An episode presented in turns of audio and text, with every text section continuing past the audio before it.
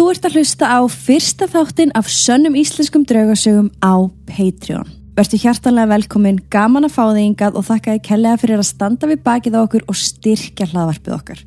Þættitin hér á Patreon verða með mjög svipuðu sniði og þeir fríu sem við vorum að gefa út sem þið eruð öflaust öll búin að hlusta á en um er að ræða 24 þætti á öllum opnum hlaðvarpsveitum með samanlagt 8, 10 og 8 sögum sem við höfum gefið út. Það er slatti! Það er ekkit smá. Nefna með því að hafa þá í áskrift núna hér eftir að þá getum við gefið þá út reglulega eða annankvæmt förstu dag klukkan þrjú. Við getum haft á lengri og við getum gefið okkur meiri tíma í að spjalla um hverja og eina sögu og jafnvel gefið okkur ítalegri ráð.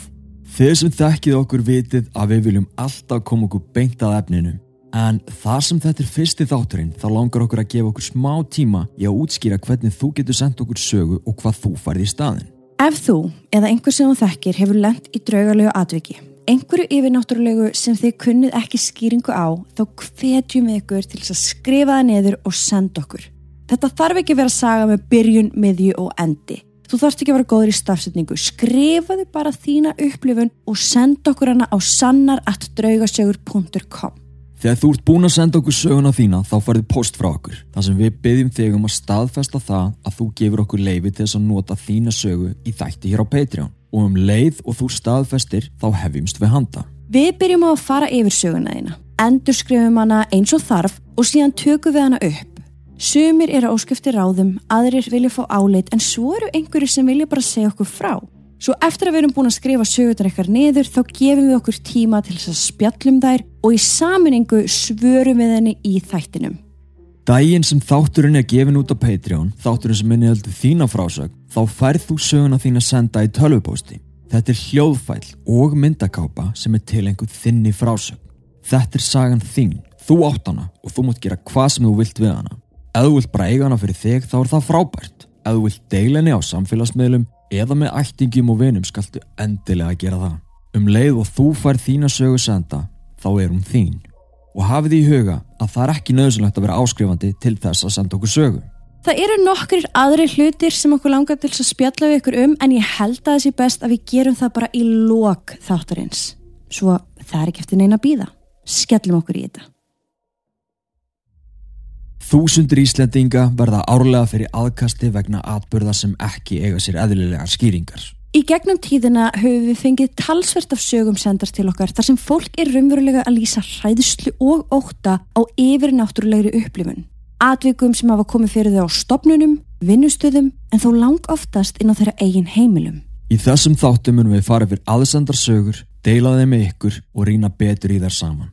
Ég heiti Stefan John Og ég heiti Katrín Bjarkadóttir og þetta eru sannar íslenskar draugasögur.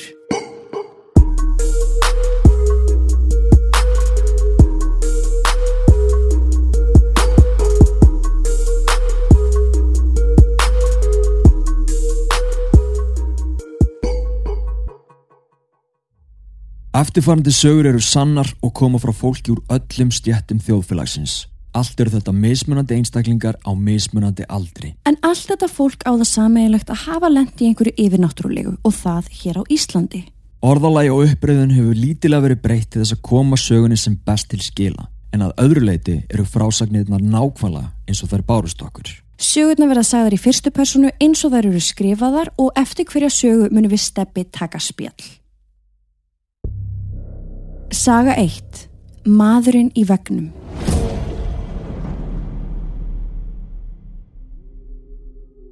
Þegar ég var lítil og fram til cirka 12 ára aldurs kom stundum maður til mín í draumi. Ég veit samt ekki hvort ég á að kalla þetta draum því upplifunin var ekki þannig en ég var allavega svoandi þegar hann kom. Þessi maður var með hræðilega rödd. Þegar hann kom til mín baðan mig um að koma með sér. Ég sá hann ekki. Ég heyrði bara í honum. Hann fór með mig á dimman drungarlegan stað.